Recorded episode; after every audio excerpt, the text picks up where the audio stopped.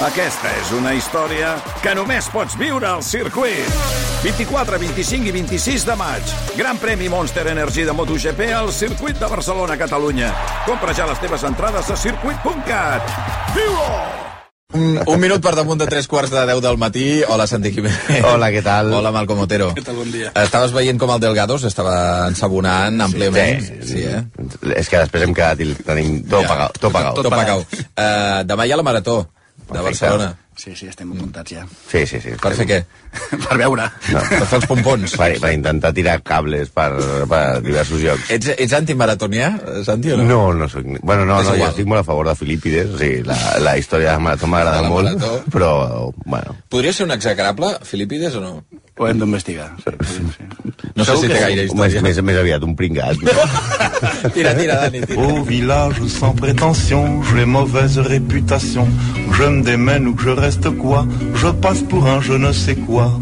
Je ne fais pourtant de tort Jo només estic pendent de què diu el Leslie demà. Petit Amb el Margarit. Evidentment. No, no. Està sortint ja de casa. És part de, les, de la secció més esperada de la història de la ràdio cada any. El dia Quan ensenya el mapa de Barcelona i diu, mira, no es pot passar i, per i vol tenir l'empresa de valles i a Exacte, Corus. ara, exacte, exacte. Bé, anem amb els il·lustres execrables, eh, que avui fèieu celebració especial. Sí, perquè avui fem 20, 20 execrables. I per celebrar-ho eh, entrarem al club a mm, burxar la cara B del príncep dels poetes catalans, mestre del gai saber, poeta nacional de Catalunya, mossèn Jacint Verdaguer. Compte. El pájaro espino de Folgueroles. No. Sens dubte, una figura, figura fonamental de la literatura catalana i a la història del país, però també un capellà molt ben plantat. Maco, que feia, guapo. Molt guapo, que feia sospirar a les senyores dels salons de la burguesia catalana i que ell freqüentava i que, sens dubte, és l'única persona al món que li quedava bé la barretina. Tant La barretina no li queda bé a ningú, a ningú, excepte, a ningú. excepte I Verdaguer. amb ell, perfecte. A tant, Verdaguer. tant que el van posar tocat amb ella els antics bitllets de 500 pessetes. Durant una època aquests bitllets es deien els guapos, pel retrat d'en Cinto. A més, penseu en altres bitllets, com Pérez Galdós, Manuel de Falla, la comparació... Rosalía és- de Castro. Rosalía de Castro, la comparació és com Ah. George Clooney amb els germans Calatrava. Exacte. Clooney, eh? Era un Clooney. Era un Clooney.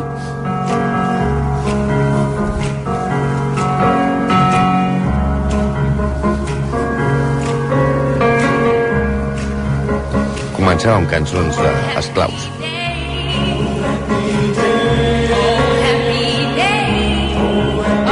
Va, explica'm qui és eh, mossèn Cinto Verdaguer, per, Verdaguer per era... no conegui. Uh, bueno, tothom ho sap, ha hagut de patir les seves obres mentre estudiava. Eh, era el tercer de vuit germans, fill d'un mestre de Folgueroles, que entra al seminari de Vic i que s'apunta a ser i que apuntava a ser només un capellà de poble més. Uh -huh. Però resulta ser un lletraferit amb empenta que no es conforma en veure el Montseny. Ell vol veure món. Quatre anys després de ser ordenat sacerdot, aconsegueix ser eh, capellà de vaixell. Sí, Un capellà de vaixell. Sí, Ah, entre, li- literalment d'un vaixell. d'un sí. vaixell. Entre treballar com a capellà a la companyia transatlàntica, O sigui, hi havia el capità, el contramestre, el Nostramo i el el capellà. capità. el cuiner... I era propietat d'un dels execrables més grans de la història de Catalunya. Aquest sense l'il·lustre davant. Antonio López i López, marquès de Comillas, no entre comilles. Sí. Aquest pàjaro, el López i López, que encara té plaça i estàtua a Barcelona, basava el seu negoci i la seva fortuna en el tràfic d'esclaus a Amèrica, que era una cosa legal, però bastant execrable. Per tant, mals inicis pel nostre mossèn. Anar de cap allà amb un vaixell que transporta aquesta mercaderia humana potser et serveix per guanyar els Jocs Florals, però et deixa eh, en un lloc bastant qüestionable. Sí. Com que era molt simpàtic, de seguida el marquès de Comelles, que tot i ser, entre altres coses, un escarós traficant d'esclaus, era un catòlic exemplar. Contracta el capellà dels seus vaixells perquè sigui el seu capellà personal. Així que Verdaguer passa a, ser, passa a fer-se càrrec de la capella del fastuós Palau Moja, al carrer Portaferrissa, on vivia i cada dia confessava i donava la comunió a tota la família d'esclavistes.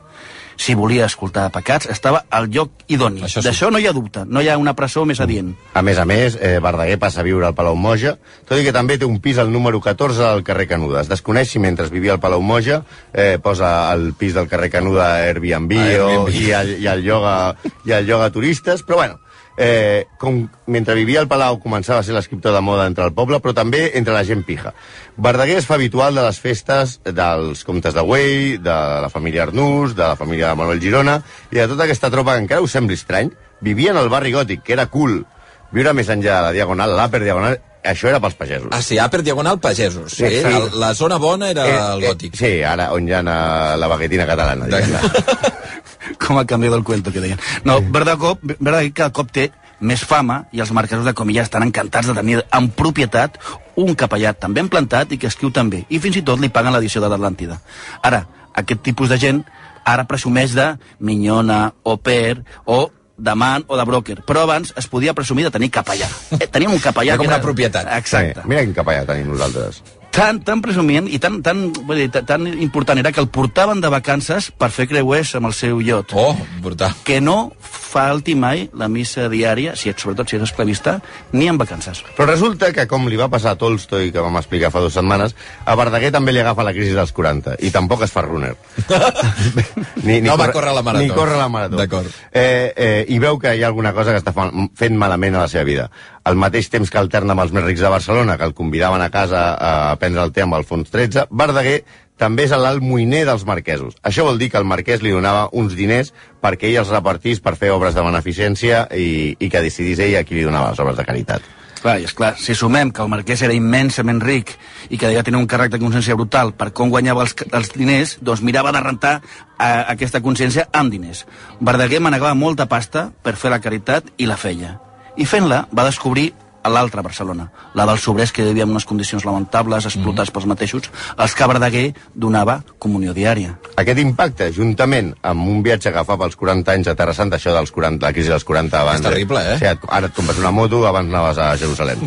Els van tenir una crisi de fe i entra en un conflicte personal i comença, atenció, a veure per tot arreu l'obra del maligne. I aquí és on el nostre capellà decideix passar l'acció, i de quina manera. ¿Has visto lo que ha hecho? La cochina de tu hija. Ai, ai, ai, ai. Però això és horrorós, això és l'exorcista. Ah, ja està. O sigui, es fa exorcista. Eh? Exactament. Un, un bon dia, un capellà de Tortosa, Joaquim Pinyol, estava fent un exorcisme amb una dona i ella, passa, posseïda pel dimoni, li va dir una cosa així com, mai em faràs fora. I el capellà li va contestar, pues ja m'explicaràs qui ho farà. El Verdagueret, aquest sí, va respondre el diable.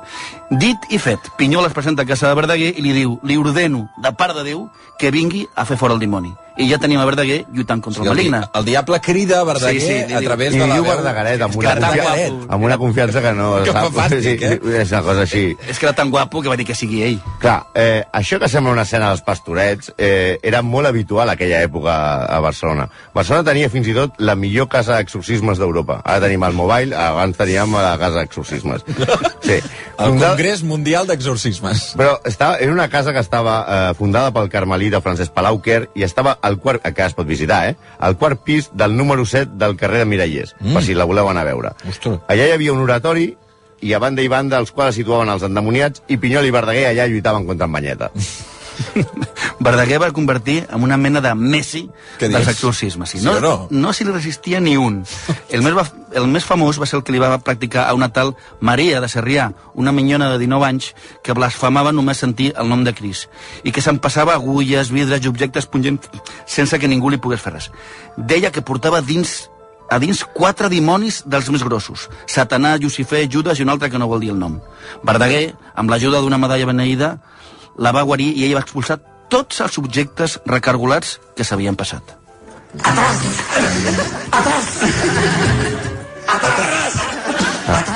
Això és més o menys el que es, fa amb els exorcismes, Atrás. tio, com ho fa el Atrás, Diego atrás. Cigala. Ah, ho fa el Cigala, això. Verdaguer s'obsessiona amb els exorcismes i cada cop desatén més les seves obligacions amb els marquesos, que recordem seguia a treballar a casa del marquès de Comilles. Mentre, esclar, mentre estàvem al marquès de Comilles, que insistim, era esclavista, ell Sí. anava a treure dimonis Exacte. a la gent. Es- I era molt, molt conegut per aquesta faceta. I a més a més havia guanyat els Jocs Florals i era Imagina't. un... Clar, eh, i a Una més, vida complicada, i eh? Li quedava, I li quedava molt bé la barretina. Exacte. Escriu fins i tot un diari de quatre quaderns que s'ha descobert i s'han publicat fa pocs en forma de dietari sobre els exorcismes, exorcismes que diàriament feia al, al pis del carrer Mirallers.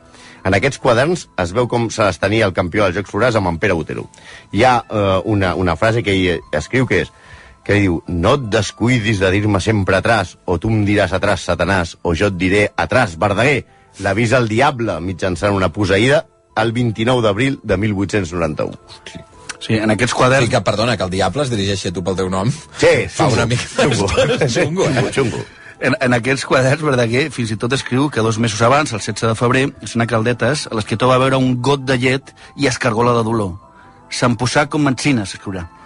Els dimonis li faran saber, amb una altra sessió d'espiritisme, que li han enverinat la beguda. Tenien una relació Sí, fluida. com es pot comprovar una relació fluida. El trucaven. Surt, surt d'aquest cos, t'ha enverinat la beguda, un diàleg que només tens que el de Sánchez amb Pablo Iglesias i la Cals Viva. Sí, ja. Els estudiosos de Verdaguer, que n'hi ha moltíssims, mm -hmm. eh, expliquen que el poeta era víctima de la situació que vivia a Barcelona. Enmig d'atemptats, en aquella època, Barcelona era coneguda com la Rosa de Foc. I hi ha una part molt dura de l'Església que creu que el dimoni s'ha apoderat de la classe obrera i Clar, que... estem, estem parlant de la crisi amb els anarquistes, Ah, o sigui, exacte, una ciutat... la bomba al Liceu, Exacte, tot exacte. això. I, i, i, I aleshores pensen que el poble està posseït pel dimoni. Pel dimoni. Aleshores, el, hi ha una part de, de l'Església que creu que el que ha de fer l'Església és eh, anar als barris obrers per eh, convertir els obrers i fer-los bons i fer-los fer el bé que això, eh, i això que no s'havia inventat encara Podemos, no havien vist la pinta que té Pablo, perquè si arriben a veure a la cua... A Pablo Iglesias. Home, Lucifer, Satanàs i sí, sí. tot el que vulguis, i eh, la Rita Maestre encara no s'havia posat allò a ensenyar les peres a, a, la, a la capella de la Complutense. La, la, a, a, a més, Verdaguer havia vist que els rics tampoc es podia, en els rics tampoc es podia confiar. O sigui, clar, estava enmig d'un d'un exacte. drama. Ell veu que tot, que, que tot està posseït Tot pel està dimoni. fatal. Sí. També eren dolents i també eren demoníacs. I si afegim que el 1888 es va celebrar a Barcelona el primer Congrés Internacional d'Espiritisme, el Mobile, un altre cop, veiem... El Mobile cal- de l'època. El mobile dels d'Arbós estava allà. Ven, que veiem, Venien d'arbós de tot arreu. Ah, tot arreu. Veiem, veiem que aquí el caldo de cultiu de, de la ciutat. Menys mal que 10 anys després va arribar Gamper, va fundar el Barça, i a la gent se li va passar la tonteria. O sigui, perdona, esteu di dient que... La, Abans de que arribés Gamper, la- aquí la la, gent salvació- feia exorcismes i es creia els espiritismes. Clar, Menys no mal sé, que van inventar el Barça 10 anys després. Sort del Barça. O sigui, Sort, menys sort mal. que va arribar al 1899 perquè eh, això era entre els atemptats dels anarquistes i els exorcistes i els esclavistes, vull dir, això era un drama. Això era un drama. Menys mal que vam dir, va fundem un club de futbol i que a la gent se li passi la tonteria. Com podeu suposar, eh, amb tot això, el marquès de Comilles eh, ja no li feia tanta gràcia al, al guapo de la barretina. I, a més a més, va descobrir el marquès que a Verdaguer eh, havia ficat la mà a la caixa per ampliar sense que ell fos conscient les seves obres de caritat. I li havia fotut 19.536,43 pessetes, que en aquella època era una senyora Que pasta. estem parlant del segle XIX, eh? Sí, sí. Allò, i, i li Perdona, havia... tornes a dir la quantitat? 19.536 amb 43 cèntims. pessetes. Sí. Val, val. I, I, a més a més, li havia dit a la marquesa que el que havia de fer és separar-se del marit. Un capellà. Molt, el molt confessor li va dir a la, a la marquesa que es separés de... Mm, El tema Pájaro Espino, Richard Chamberlain comença a prendre cos. Home, si era tan guapo. I això va ser la gota que va bé fas el got. I el marquès no només el va destituir com el moiner, sinó que també va fer que el bisbe de Vic, Josep Morgades, li enviés a la gleba. Ell no ho accepta i després d'un temps torna a Barcelona protegit per un altre ric. Aquest Que tenia, que tenia una filla també que tenia atacs eh, que també semblava que estava posseïda. Ah, sí? Sí, per això el fa tornar. Sí. El, el bisbe s'emprenya i el suspèn com a capellà. Ell escriu una sèrie d'articles titulat Un sacerdot perseguit, que s'agrupen en un volum anomenat En defensa pròpia. El 1898 signa una retractació, pels de la ESO una retractació és com quan el rei diu allò lo siento mucho, no volverá a ocurrir, o... De, demanar disculpes, Sí, diguem-ne. sí diguem, o, o com el Piqué es, es retracta d'aquestes coses de no, no quería decir conocido i aquestes coses. Ah, això mateix. I li torna la llicència sacer- sacerdotal. Ja malalt de tuberculosi, es retira a Vallvidrera, que era una cosa molt d'aquella època, a veure si l'aire de Collserola l'ajuda. No corre la marató encara. No. Mor el 1902 i el seu enterrament és una de les majors mostres de dol popular de la ciutat. És allò de... Tot, encara no hi havia rues del Barça, per tant anava, la gent anava als enterros. Els enterros Sí. famosos. Sí. I eh, s'ha enterrat al cementiri de Montjuïc, consagrat com, indefectiblement, el poeta del poble. Les uh, 10 del matí, amb el Santi Jiménez i el Malcom Otero explicar-nos la història, hi ha un oient que diu mira, jo estava molt contenta de viure al carrer uh, Cinto Verdaguer, uh, mossèn Cinto Verdaguer, perquè era poeta, i diu, i ara resulta que era exorcista. I jo no ho sabia. Uh, evidentment, si tota, tota la gent Està que... protegida, aquesta senyora. Eh? Està protegida. Sí, això sí, això segur, el banyeta no l'atacarà. Uh, tota aquella gent que vulgui que els, els execrables uh, passin la pinta per algun personatge que odin especialment, uh, faran aquesta feina el Malcolm i el Santi. Uh, moltíssimes gràcies a tots dos. La setmana que ve ja ho teniu clar o no? Sí, com sempre estàvem això, que estàvem amb Satanàs, volíem fer parlar de David Trueba, però encara ens manquen un parell de esteu amb el, amb el David Sí, Trueba. ens Jo crec que està- Hi ha una part posseïda, també. Sí, sí. Segur. Però li donarem el carnet a un altre esportista, un veritablement execrable, que és Paulino Uzkudum, poc conegut actualment, però amb una història tremenda. Paulino Uzkudun. Sí, era el De boxa. boxejador Ni espanyol. Va ser campió del món, va ser Una un- història magnífica. Doncs- no només perquè la seva biografia l'hagi publicat Malpasso. Ah, d'acord. L'ha publicat el Malcolm, d'acord, d'acord. Les 10 i un minut. Moltíssimes gràcies, Santi Malcolm. A vosaltres. Adéu.